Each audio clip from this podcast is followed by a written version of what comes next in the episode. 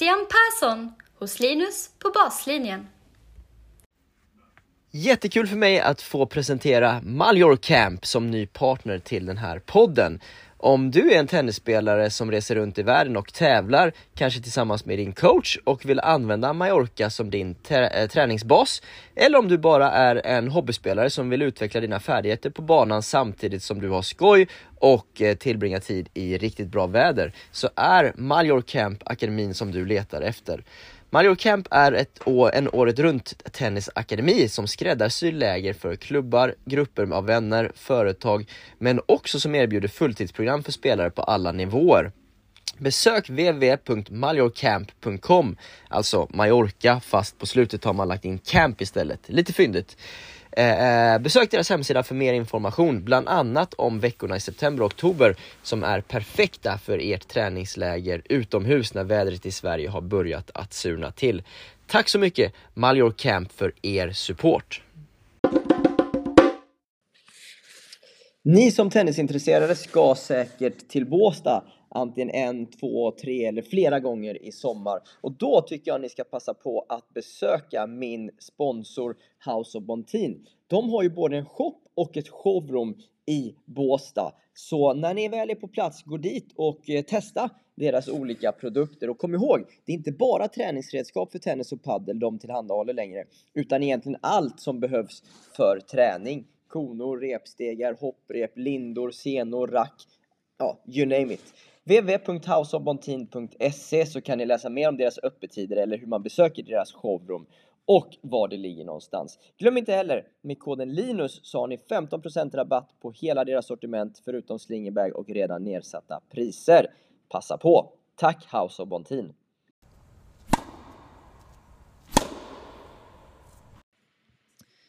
Mycket glädjande så är nu Valda Tennis också en del av partnerklubbarna till den här podden. Varmt välkomna Valda Tennis! Kul att ha er med på tåget!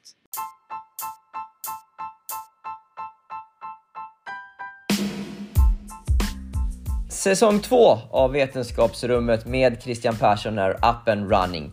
Vi sätter åter tänderna i ett antal olika ämnen och områden som är viktiga för tränare, spelare, föräldrar med flera att känna till och ha kunskap om. Precis som i första säsongen så är tanken att diskussionerna mellan mig och Christian Persson ska kunna kopplas till studier och vetenskap snarare än för mycket personliga åsikter. Christian Persson, klubbchef på Ullevi Tennisklubb, föreläsare och en av författarna till bland annat boken Skapa Talang. Förra avsnittet var en liten sammanfattning av säsong 1. I det här avsnittet så avhandlar vi Time on Task. Vad innebär det? Vad är bra att ha i åtanke när man planerar träningar? Hur kan vi maximera tiden vi har till förfogande? Och eh, varför ska vi ha det här i åtanke även vid sidan av träningsbanan? Mycket om hur vi maximerar tiden och vad vi använder tiden vi har till förfogande till. Vi, eh, ja, jag och Christian diskuterar det här ämnet och eh, som vanligt får ni gärna återkomma med tankar på andra ämnen ni skulle vilja höra mer om eller eh, ja, tankar och funderingar kring det vi pratar om. Ta jättegärna emot feedback. Nu kör vi Time on Task med Christian Persson i Vetenskapsrummet säsong 2.0.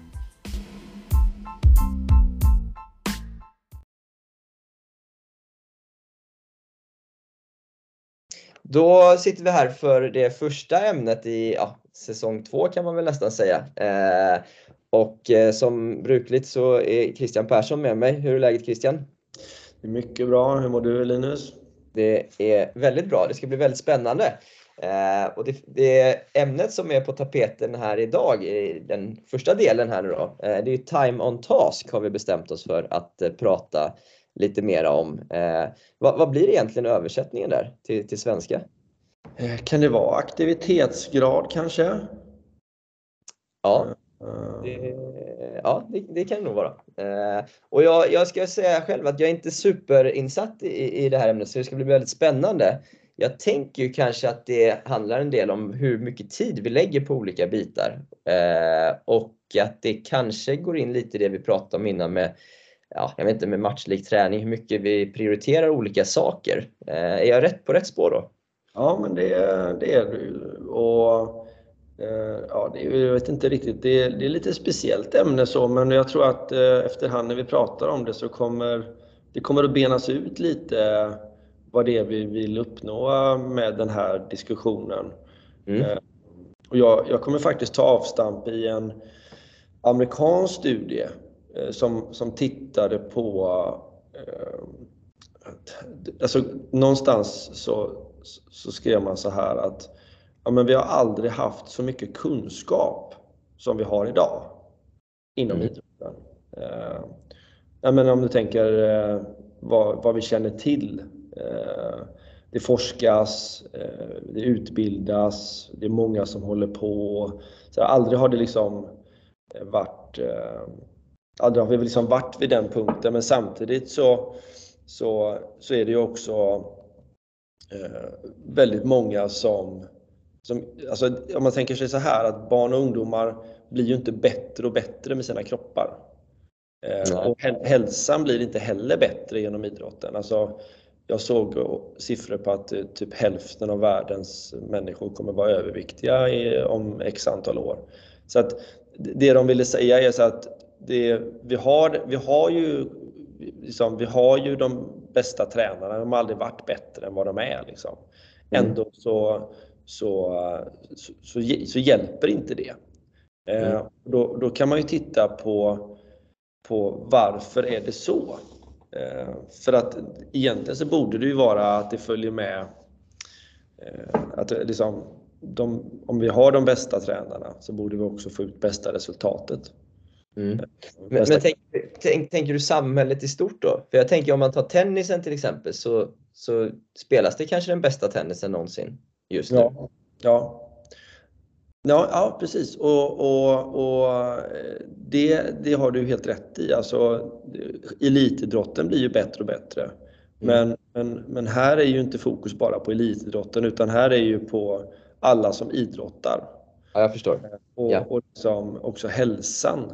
Mm. Jag tänkte vi skulle liksom börja med det som en ingång mm. Eh, och, så, och, och, vandra, vandra vidare. Men ja. eh, det som, det som de såg då det är ju att eh, det, det, är ganska svårt att om vi, om vi tänker oss att vi har en eh, timmes eh, jätte, jättebra träning. Mm. Eh, du har en tränare som är jättebra, säger vi, mm. Eh, och som har en träning. Så nu börjar vi komma in på det här med time on task lite grann då. Att den träningen, beroende på hur den läggs upp och beroende på vart den träningen är någonstans. Mm. Eh, hur många man är på träningen och liksom hela den biten. Det beror väldigt mycket på det hur mycket träning du kommer få ut. Mm. Okej. Okay. Är du med? Ja.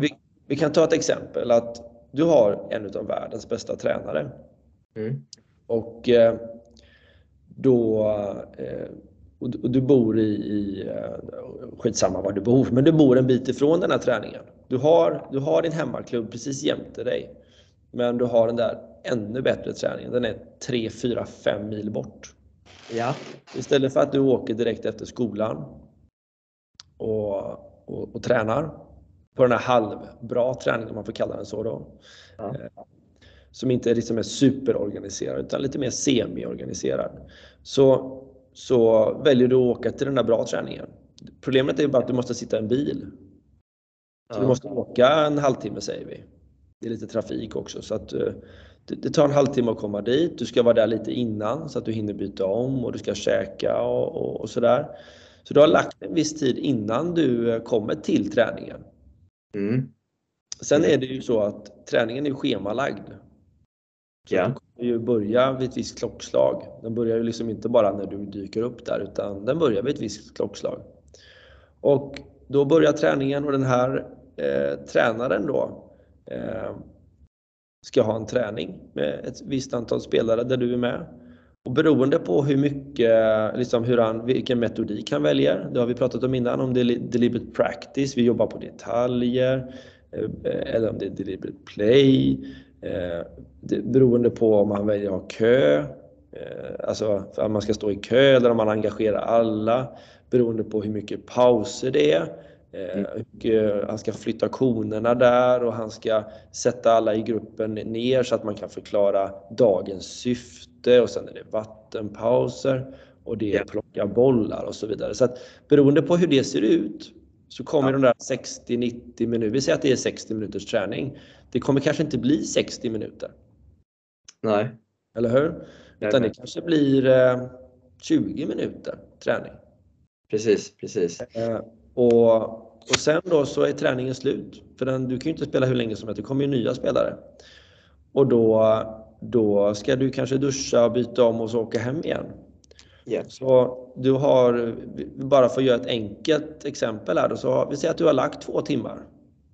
Ja. Eh, en, en timme utanför din träning och en timme träning så att säga. Och sen så, så, så tittar man hur mycket träning blev det egentligen mot om du hade bara tagit cykeln, åkt förbi den där träningen som är alldeles nära dig och mm. det hade du kunnat spela ohindrat. Liksom. Du hade kunnat spela hur mycket som helst där. Eh, och Det de tittar på är att ja, men, ja, vi har kompetensen men eftersom att det ser ut på det här sättet så är det svårt att kompensera för mängd, alltså mängden eh, idrott. Ja, ja. Blir, eh, den totala mängden idrott blir för liten i förhållande till, även om det var väldigt bra moment på den här träningen, så la man två timmar och fick ut 20 minuter i det exemplet vi hade då.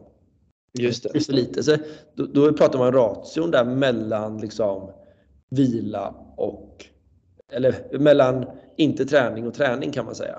Och är, det, pratar man som, är det samma som kvalitet, kvantitet som man brukar nämna lite grann? Ja, om du räknar sitta bilen som kvantitet så blir det ju det. Eh, ja. Jag vet inte riktigt vad man tänker när man tänker kvantitet. Det är väl volym, kvantitet. Ja, jag, jag, tänker volym liksom. Så att, då får man ju tänka på träningen då. Då fick du ut 20 kvalitet ja. av 60 kvantitet då. Det blir ju ration kvalitetsmässigt. Mm. Eh, och, och hela poängen med att ha det här som ett ämne och diskutera är ju lite grann det de kom fram till också, att det kanske inte blir bättre bara för att vi försöker få alla våra barn och ungdomar att vara med i, i, i ännu mer eh, superorganiserad idrott. Det är kanske inte det som kommer göra skillnaden på slutet. För att det blir inte tillräckligt mycket.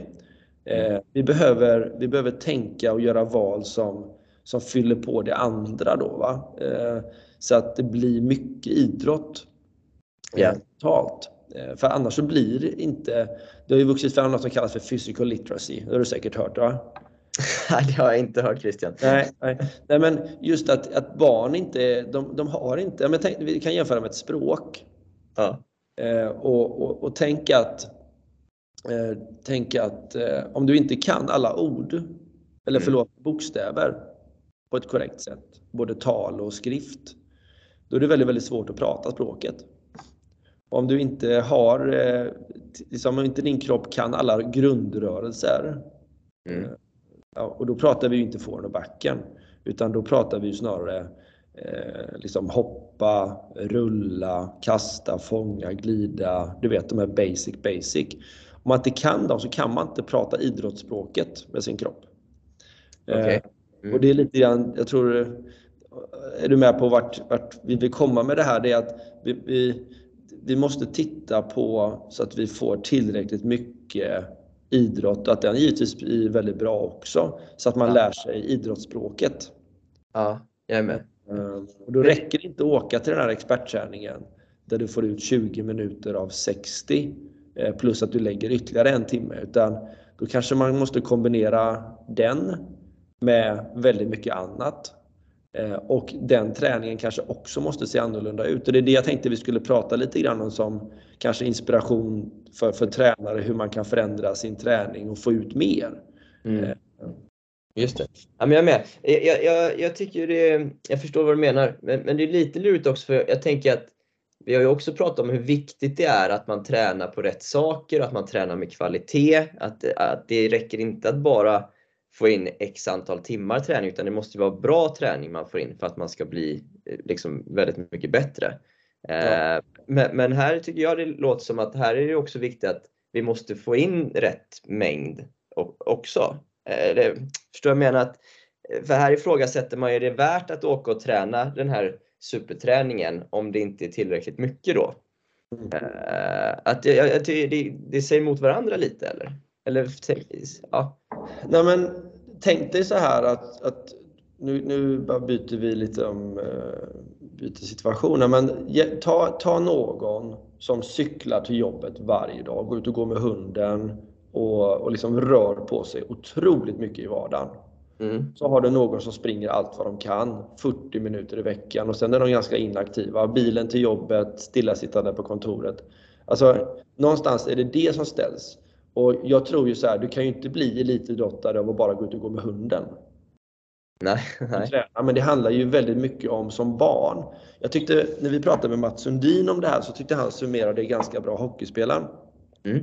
Han sa liksom att många tittar på mängden liksom så här, hur mycket träning, eh, så här 10 000 timmar träning. Men som han sa det också att jag har ju lekt 20 000 timmar också. Jag har ju 30 000 timmar. Ja, Det, det, är inte bara det att jag åkte till en träning. Hela mitt liv handlade ju om idrott. Alltså när jag var klar med min hockeyträning, ja men då, då kanske det fanns en match med det äldre laget. Eller så åkte jag och spelade någon annan sport. Ja. Eh, och, och sen när vi kom hem, ja men då fortsatte vi. Och det är lite grann här i, det stora hela som, vi, som, som jag tror vi behöver tänka till lite för att jag, jag tycker att när, när jag i alla fall har suttit, jag, jag minns en, eh, en föreläsning jag satt på, då var det jättemånga som, som, som eh, jobbade inom idrotten på olika sätt och var ansvariga för förbund och hit och dit. Och och då ställde föreläsaren en, en fråga så här, men tycker ni att liksom, är, är svensk idrott bra? Och då sa jag, jajamän, liksom, det är hur bra som helst. Ja, ja men vad, vad bra, liksom. och hur bidrar den till samhället? Liksom, är, den, är den bra för samhället? Ja, det var ju alla liksom. Det är ju jättebra. Och, och liksom, jag, jag tycker vi ofta landar där att allt är så himla bra inom idrotten. Men ändå så har vi ju problem med att barn slutar med idrotten. Ja. Dropouten är 10 och ett halvt år. Så det måste ju vara något fel vi gör. För det var det inte tidigare. Då höll man ju på med idrott längre. Då kan man säga att ja, konkurrensen är högre och sådär. Ja, absolut. Men folk väljer att droppa ut från idrott tidigare idag än vad man gjorde tidigare. Ja, och alla barn och ungdomar, det är inte så att vi ser trenden att, att det är fler och fler barn och ungdomar som blir mer och mer vältränade. Nej. nej. Det väldigt, men det är väldigt många i Sverige som håller på med idrott. Ja, jag förstår. Jag förstår, förstår vad, jag, vad jag menar. Ja. Och, och, jag menar i, i, eh, i idrotten så slutar de och i tv-spelen då har vi svårt att få dem att sluta spela. Där, där, måste vi dra ur sladden för att få dem att sluta spela. Ja. Men, men det är inte så att vi behöver släcka lyset för att få folk att gå hem från idrottshallarna. Nej, Nej, direkt. Så att, och, och, och, det är väl en av de bitarna som, som man kan titta på. Sen kan man ju titta på eh, Alltså, om man ska summera det så, så, så, räcker det inte med lite expertträning för att kompensera för allt. Sen, sen, som du är inne på, självklart måste vi ha riktigt bra kvalitet och kan vi ha riktigt bra kvalitet i väldigt hög volym så är det ju det bästa. Alltid. Ja. Alltid, alltid, alltid. Men ja. det kan vara svårt också att få kvalitet i en hög volym. Alltså, vem är det som säger att det bara är deliberate practice som måste in i de där 10 000? Är du med? Utan det, det, måste in mycket play, det måste in mycket deliberate play, det måste in i livet med idrott. Vi måste få barn och ungdomar att röra på sig mer i Sverige så att de mår bättre och blir bättre med sina kroppar och då blir de bättre i idrott och så vidare. Då, va? Så att, och nu kommer vi komma in lite mer på det som kanske eh, lyssnarna eh, kan påverka och det är ju träningarna som man redan har. Mm, okay. och, och, öka liksom time on task i, i, i träningarna. För det var ju, eh, vi säger att det ändå är kanske rätt val att åka till den här träningen. Då. Mm. Så blir det 20 minuter utav 60, men nu kan vi få ut mer. Det är ju alltid intressant tycker jag. Ja dels hur kan vi få ut mer matchlik träning kan ju vara intressant, men också hur kan vi få ut mer träning på tiden vi tränar? Ja. Eh, till exempel en uppgift på inbollningen. Ja, det kan ju vara en, en, eh, en, eh, ett väldigt bra sätt att, att få ut. Men då blir det ju snarare kanske mer kvalitet då. Men jag, jag tänker att vi kanske måste backa ner ännu mer till grundnivån. Där måste jag faktiskt eh, få hacka lite på fotbollen när eh, man ser övningar där. Det här är en sån klassisk, vi jobbar ju, vi har ju mossen. Nu hänger jag ut mossen här, men det gör jag. Ja, det får man göra. Det är ingen specifik person. Nej, men vi, vi jobbar ju, vi har ju tennisbanor i Göteborg, en, som är idrottsplats, utebanor. Mm. Och, och jämte en fotbollsplan. Och där ser man liksom, när man står där och jobbar så ser man, då står ett helt fotbollslag och tittar när en tränare, det står en målvakt i målet. Och så, så står det en tränare någonstans där vid straffområdets liksom, linje, ja, i början av straffområdet. Och så, så kommer spelaren med några konor, så dribblar den. Den passar tränaren då snällt då, så tränaren inte behöver springa för mycket. Och så, så passar tränaren tillbaka en väggpass. En riktigt snygg väggpass. Och sen skjuter den här spelaren. Eh, och, och sen är det slut. Då, då kommer nästa, för då måste han springa och hämta den bollen. Och då kommer nästa spelare som har stått i ringen där och tjötat lite med sina kompisar. Då kommer han, det är hans tur. Då tar han bollen så gör han samma sak. Och de är ju ganska många i det här laget. Och om man tar det här som ett exempel då tänker jag direkt, kan man göra det här bättre? Tänker jag. Vad tänker du? ja, jag, jag tänker det är superkö-tennis, tänker jag. Eh, ja, du tänker det. Men ja. jag, jag, tänker så här, ja, då, då, då tänker ju de så här, de här går ju på idrott, eller Ja. ja. Är idrotten bra i Sverige? Ja, den är skitbra. Nu är jag lite elak här, men jag bara, man måste ju få vara lite, ja. man måste få vara lite det också. Ja, men de här tickar ju av den boxen, liksom att mina barn går på idrott. Eller? Ja. Det är en bra ja, tränare. Det är en bra mm. tränare. Det är säkert en jättebra övning. Ja. Men, men hur mycket träning blir det egentligen? Ja, jag fattar. Jag fattar. Ja. Och då tänker jag, kan man göra någonting för att få ut mer på den timmen? Ja, man hade nog kunnat göra det här på rätt många mål. Tänk om det är 20 spelare, om man hade, eller 21 spelare, och man behöver tre per Eh, du behöver tre stycken för att göra den övningen och du tycker den övningen är bra. Du behöver en målvakt, en som tar emot passen och väggpassar och en som dribblar lite med konerna. Ja. Men bara genom att göra sju sådana stationer så får du högre time on task. Ja, precis. precis. Du skulle öka, istället för 20 minuter på 60, så skulle du få ut mycket mer. Och det är det här jag vill att vi pratar lite grann om nu. Det är ju saker vi kan göra på ett enkelt sätt som gör att det blir mycket mer träning för våra barn. Ja, jag förstår. Jag är med. Det, liksom, det är här vi ska bli bättre nu och de som redan är bra på det här, de behöver inte tänka på det. För då har ju redan det. Eh, den här grunden då. Men jag, jag tänker, jag har ju barn. Eh, jag har en, en dotter som är sex år. Och hon leker ju. Ibland så är hon på simning, det är ju lek för henne. Ibland är hon och cyklar ute med sina kompisar. Eller med mig. Eh, och ibland leker de med sin, eh, sina dockor och alltihopa. Det är ju lek. Mm. Och, och, jag ser ju att om hon skulle komma till en tennisbana så skulle det också behöva vara lek för att de ska tycka det är kul. Och okay. givetvis då så måste det vara proffsig lek, om du förstår vad jag menar. När man kommer till tennisen måste det vara proffsigt. Men det är ju bra om det är proffsigt när hon är ute och cyklar också. Eller? Ja. Eh, det får ju gärna vara proffsigt på alla delar. Men, men jag tror inte hon kommer reflektera så mycket om det är proffsigt eller inte. Men, men däremot så är det som så att när hon är hemma och leker så är det inte så att jag går upp till, vi har två våningar. Det är inte så att jag går upp till henne och säger du nu måste du avbryta leken här och ta lite vatten. Nej. Hon är sex år. Hon behöver liksom inte dricka vatten. Hon dricker när hon är törstig. Ibland dricker hon inte på hela dagen, ibland dricker hon flera. När hon är törstig dricker hon. Jag, jag tänker så här, jag behöver inte stoppa hennes lek för att hon ska dricka vatten. För hon kommer stoppa själv om hon vill springa och dricka vatten. Då ja. tänker jag som en sån grej. När vi har barn och ungdomar som tränar tennis så behöver vi inte stanna och dricka en massa vatten hela tiden. För jag känner en massa kompisar till mig, de går ut och springer en mil utan att mm. dricka vatten. Det är mm. ganska intensivt. Mm, jag förstår. Jag förstår. Eh, det, jag, det, ja, det är väl också ett sätt att eh, få någon minut att byta övning kanske för tränaren. Absolut. absolut. Och jag tar gärna rollen som lite utmanande här. Ja, eh, för att eh, jag, jag, tycker det finns så mycket man kan eh, göra. Det är bara ett exempel. Men, men ett annat exempel är ju kö. Ska ja. vi ha kö? Jag tycker inte vi kan säga att svensk idrott är bra om vi har barn som står i kö. Alla ja. de som har en sån, den kommer jag bara ticka av och säga dålig träning. För barn tycker inte det är kul att stå i kö. Det blir inte mycket träning av att stå i kö. Och de blir inte tränade av att stå i kö. Nej. Eller De kommer inte bli motiverade heller av att stå i kö. De får inte mer smak av idrotten. Så att där måste vi också se till att ta bort så mycket som möjligt av kötennisen som finns i Sverige. Om det redan är borta så är det ju kanon. Men, men jag vet ibland när, man, eh, när vi har tränare här som kommer från andra ställen så säger jag ah, i min hemmaklubb det är ganska vanligt att vi kör kötennis och sådär. Och då tänker jag ja, det är ju jättebra att vi jobbar med forehand och backhand. Men, men om vi har världens bästa tränare som kan forehand och backhand men som ställer alla i kö precis som i det här Mossen-exemplet med fotbollen, så blir det ju inte så mycket tennis ändå på den här timmen. Nej, mycket, mycket mindre. Nej, jag är helt med. Jag är helt med.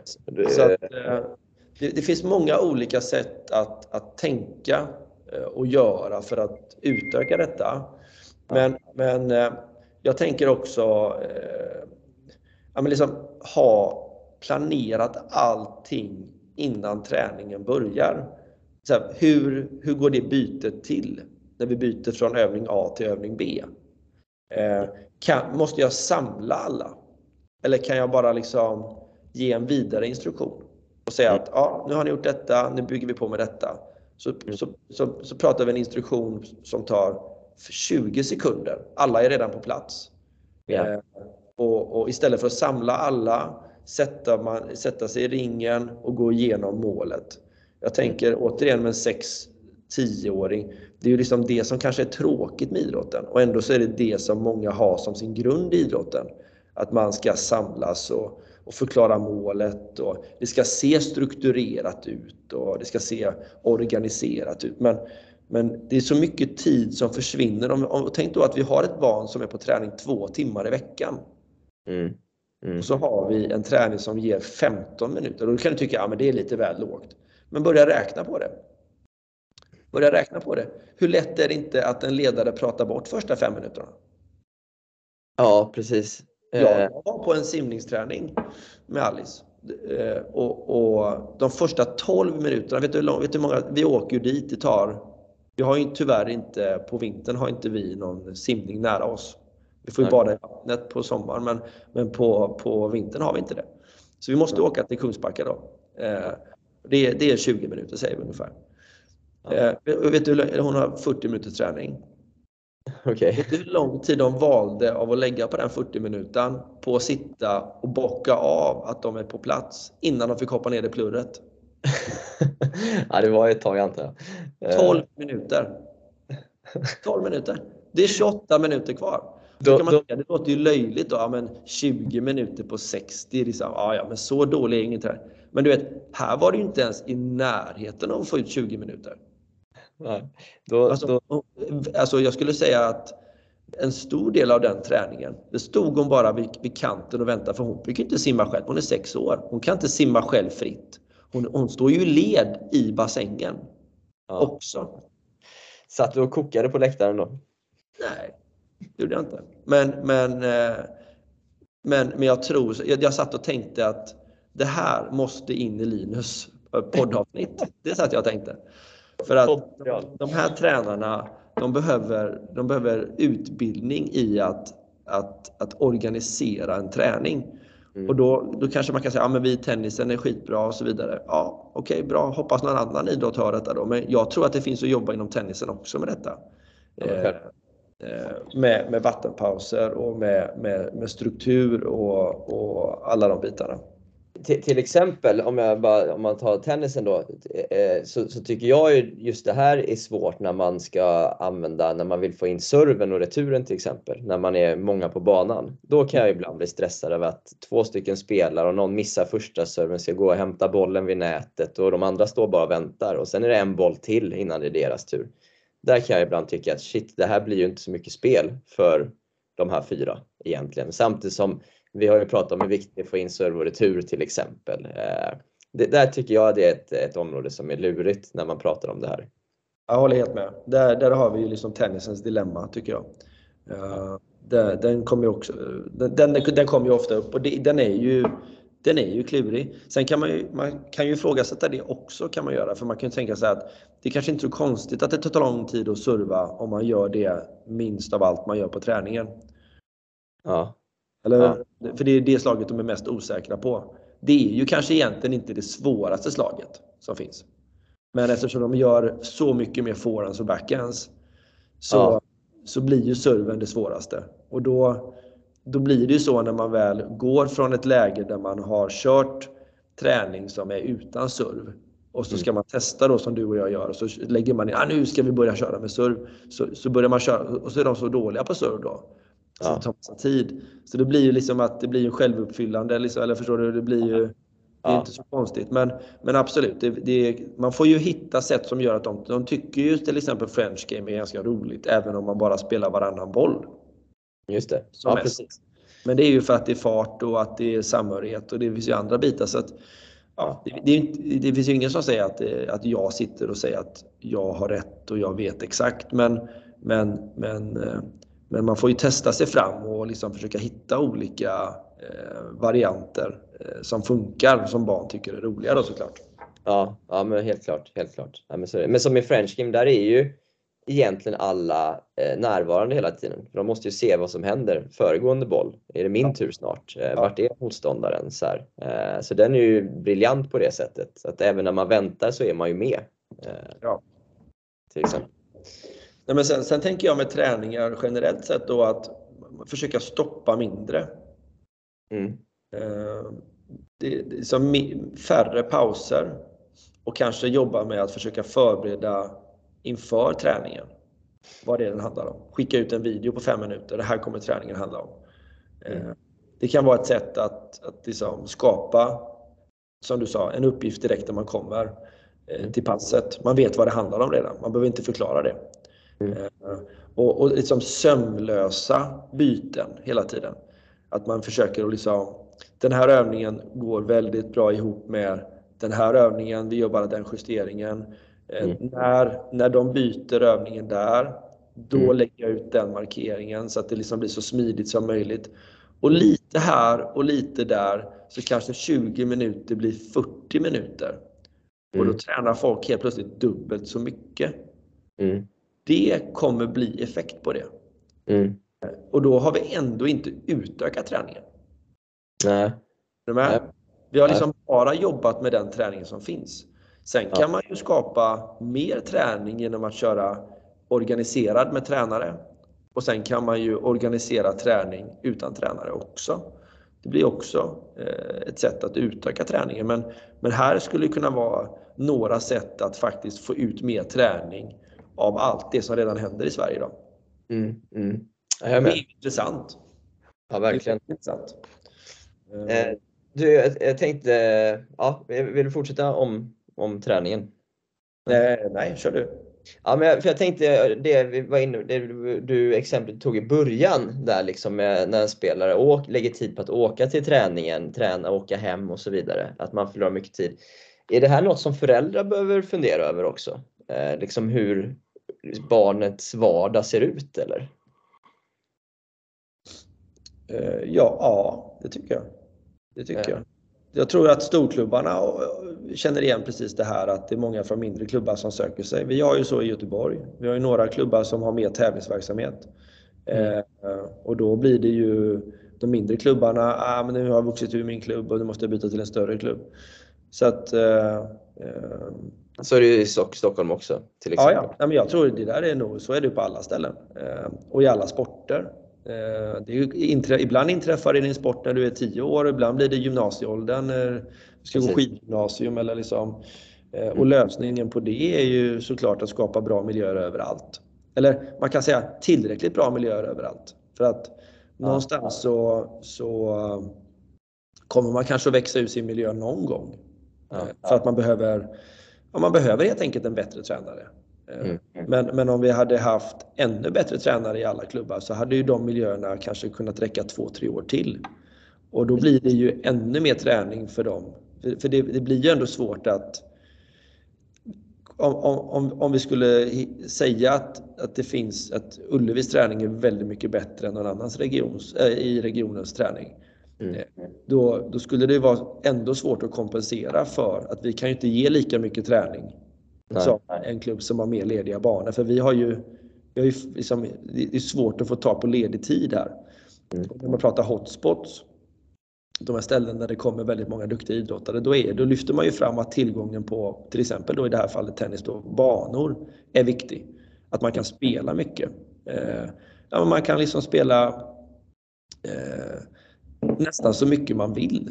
Eh, och det, det kan vi ju inte i svensk tennis i de stora städerna. Där blir det ju att du får ju nöja dig med att få tre dagar i veckan.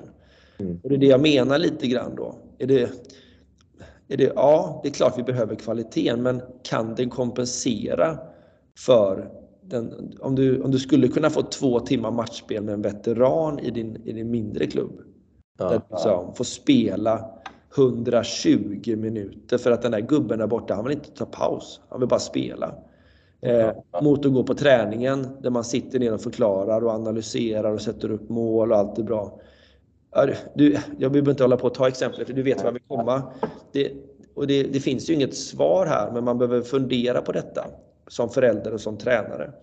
Eh, för, för som, som klubb, där behöver man ju också, det låter ju som att man måste ifrågasätta allting då. Men om en sån klubb, då måste man ju kanske titta på hur ser vår miljö ut? Kan man träna innan sin träning börjar? Och kan man träna efter? Det är kanske det viktigaste uppdraget för klubben. Om man nu redan har bra träning. Så är det ju att skapa möjligheter att direkt du kommer till tennisen finns det en minitennisbana som du bara kan börja spela direkt. Finns det en basketplan? Finns det bordtennis? Eh, kan jag börja liksom, och efter träningen kan jag få hålla på mer? Kan jag få köra två timmar till? Och, och där tror jag eh, eh jag, jag ska faktiskt ta ett exempel. Vi hade en Tennis Europe. Vi har skrattat så himla mycket åt detta i, i vårt eh, team. Vi hade en Tennis Europe-tävling här med en finsk spelare. Eh, och han var lite halvgalen på banan, de är under 14 då. Eh, han var lite halvgalen på banan och sådär, skrek och hade sig. Men alltså det var otroligt vad mycket tennis han spelade den veckan han var här. Okej. Okay. Alltså, eh, han gick långt i tävlingen. Mm. Men när han inte var på banan och spelade match, då, då spelade han i princip hela tiden minitennis. Okej. Okay. Ja. Eh, och när det fanns ledig bana, då var han nere och tränade och lekte. Ja. Och du vet, han körde ju liksom, vi, vi skrattade åt det för att han hade till och med toasten i handen när han spelade minitennis. Han, han, han, han, han hann inte sitta ner. Alltså det gick inte, det, det fanns inte på hans schema att sitta ner. Och jag tror att han var i finalen om han vann. Ja, nej men du vet, han var bland de bästa. Han var lite, lite oskolad sådär, men, men han var... Eh, och det var ganska intressant att för mig kändes det som en, nu det hittar man ju på, jag vet ju inte hur det ser ut i hans hemmamiljö, men det kändes som en sån där gubbe som, han hoppar in där han får chansen hela tiden. Så han, han tränar sjukt mycket tennis. Eh, och så jämför du med de här som var här som var lite proffsigare då. De skulle inte spela med toasten i handen för de stod och drog i sina gummiband och de hade precis bytt upp till eh, svart gummiband nu så det var lite mer motstånd när de stod och drog där med sin rotatorkuff. eh, och, och då är frågan så här. Vem, vem, är, vem har bäst förutsättningar för att bli någon? Någon som står och kör rotatorkuffen eller toast i handen och minitennis? Om man ska ställa det på sin spets. Hur mycket trä kan den med rotatorkuffen där, kan den kompensera? Hinner den, hinner den komma ikapp med, med liksom... Jag är, jag är tveksam alltså. Jag tror på, fin, jag tror på finnen.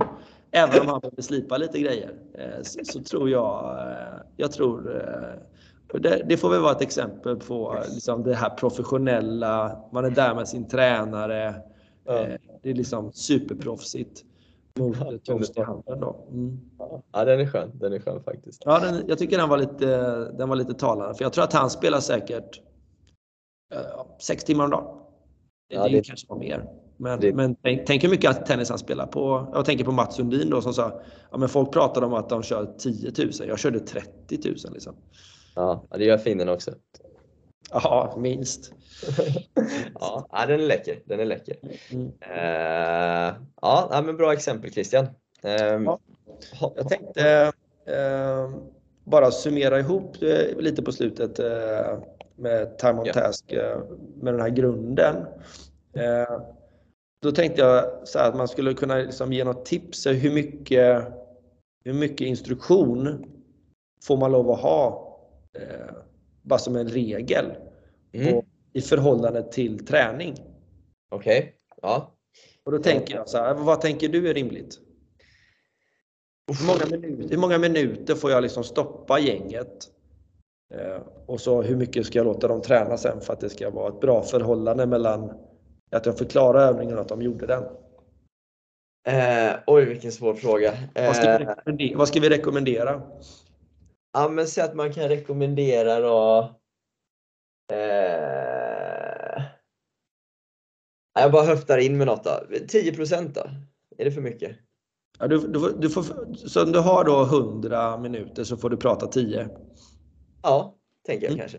Mm. På, på en timme så kan man prata 6 minuter kanske. Nej, det kanske är för lite. Ja, jag vet, ja, ja vad, vad tycker du då?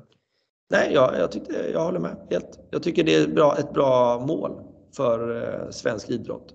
Att, ja. att jobba med det. Att liksom jobba mot det målet.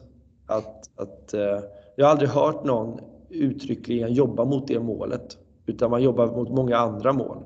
Men ja. tänk att liksom försöka maximera den träningen som finns. Eh, ja. och tänka att ja, men, på, på en timme så får maximalt sex minuter gå åt till något annat. Och resten måste vara träning. Jag kan ju tänka att själva förklaringen, alltså själva samlingen inför någonting, den bör väl vara väldigt, väldigt kort. Sen kan det finnas ett värde i att efteråt kanske analysera vad man gjort och vad, vad, vad kan man göra bättre nästa gång? Eller vad, du vet, så att, att reflektera lite. Att där kanske man kan lägga någon minut extra. Kan jag kanske tänka. Mm. Uh, men jag tänker snarare att man ska ha det som en ledstjärna än att man ska tänka att man får förklara i en minut och sen spela två minuter. Ja, nej, men det är ja, absolut. absolut. Ja. Men, eh, ja, det håller jag med om. Så det, det är väl ett bra tips. Och sen så att planera all träning innan så att man vet vilket material man ska ha på banan. Man, mm. man har förberett med bollar. Eh, man vet eh, övergångarna, tycker jag är viktigt. Att man, när går man över från en övning till en annan? Mm. Behöver vi stanna upp? Och nu pratar jag faktiskt mer röd, orange, grön, början gul nivå än vad jag mm. pratar eh, Mikael Ymer. Alltså, ja, det, det, tror jag alla förstår. att det, Men å andra sidan, ska vi få fram fler bra svenska tennisspelare så är det här vi ska satsa i, i, i botten på pyramiden. Det är inte att vi ska krydda träningen lite till på toppen. Det är inte det det handlar om för att bli en, en, en ny tennisnation som får fram riktigt många bra spelare. Det handlar om att få, få större bas. Va? Ja. Eh, plocka bollar, det, behövs det verkligen? ja, det beror på vad man ska göra nästa övning kanske. Men eh, många gånger kanske det inte behövs. Eh, så är det ju. Eh. Ja, jag, jag tycker att man behöver plocka bollar när man är klar. Ja, okej. Okay. Man, man, kan ta dem direkt från banan. Om man är tränare då kan man ta direkt från marken. Man behöver inte hålla på och ha dem i en hink. Ja, det bör, ska, du, ska du köra en korg? Ska du köra en korg? på flera olika positioner i banan. Det är perfekt. Kommer bollen från olika ställen. ja, eh, ja, jag är med. Men, men om, men, om jag säger så och du säger andra hållet så kan man ju mötas i mitten då. Ja, lägga dem i en hög på marken. Ja, jag är med. Och sen flygande byten. Skifta mellan övningarna på ett sömlöst sätt. Liksom. Håll inte på att ta massa pauser utan se till att eh, att, att det är smidiga övergångar. Mm, mm. Ja, men den, den tror jag man kan tjäna mycket tid på. Eh, det, det, är jag helt med på. Eh, absolut. Eh, men, men, tänker du så här, ju äldre spelarna blir så kanske man kan ha någon minut extra ibland eh, för att prata igenom det man har gjort. Det, alltså så här, som jag sa, att man, man analyserar ju kanske inte så mycket med fem och sexåringar på skumnivå. Liksom. Men det kanske man gör med tävlingsgruppen senare till exempel. Absolut. Samtidigt som jag känner att när jag har tävlingsgrupp så är det inte så att de tycker att det roligaste som finns är när jag står och pratar för dem. Och det, jag skulle vilja att de tyckte det var mer intressant. Ja. Men eh, jag skulle vilja att de tyckte så här, Christian, kan inte du berätta mer om det här? Och det händer ju nästan aldrig. De vill ju bara ut och spela. Ja. Så att, där kan man ju säga att där kanske man skulle vilja få det omvända nästan. Att de skulle vara mer intresserade av ja, liksom förståelsen för spelet och bakomliggande faktorer. Det skulle man ju vilja att de var ännu mer. Det, det, där, det, det kan jag sakna å andra sidan då, om man skulle vända på liksom det här eh, som du säger att ja, det är klart man ska ta sig tid där. Har man någon spelare 15 timmar i veckan och man bedömer att ja, men då har vi också lagt in så att det finns tid för för att fånga upp eh, helgens matcher under den tiden till exempel. Då, det, det, det tror jag man måste tänka med tävling som har kommit lite längre att där är det inte lika, om man säger så bråttom eller viktigt att aktivera utan där får man ju schemalägga så man har mycket tid. Men det, det, där blir det snarare viktigt med time on task i, i förhållande till matchlik träning tänker jag. Hur mycket av träningen är faktiskt liksom, eh, sånt som kommer leda till jättebra utveckling. Då kan man ju liksom sätta time on task fast på ett annat sätt. Ja, men... Mer kvaliteten, hur mycket är rätt kvalitet egentligen? Mm. Det är väl liksom andra delen av den här diskussionen kan man ju säga. Att då blir det ju time on task på ja, men hur, hur mycket håller den nivån och den kravbilden som vi egentligen eftersträvar. Mm, mm. Ja precis, då tar man det vidare ett steg till. Ja men jag är med. Eh, ja. Vad säger ja. du? Ska vi, ja, är vi nöjda där med det här ämnet? Ja, jag tycker att vi har pratat om det som i grunden kan förändra mycket. Ehm, lysande, då avrundar vi det ämnet här.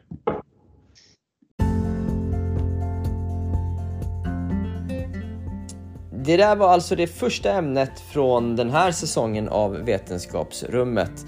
Och eh, hur vi maximerar tiden är ju ett av de ständigt återkommande frågorna.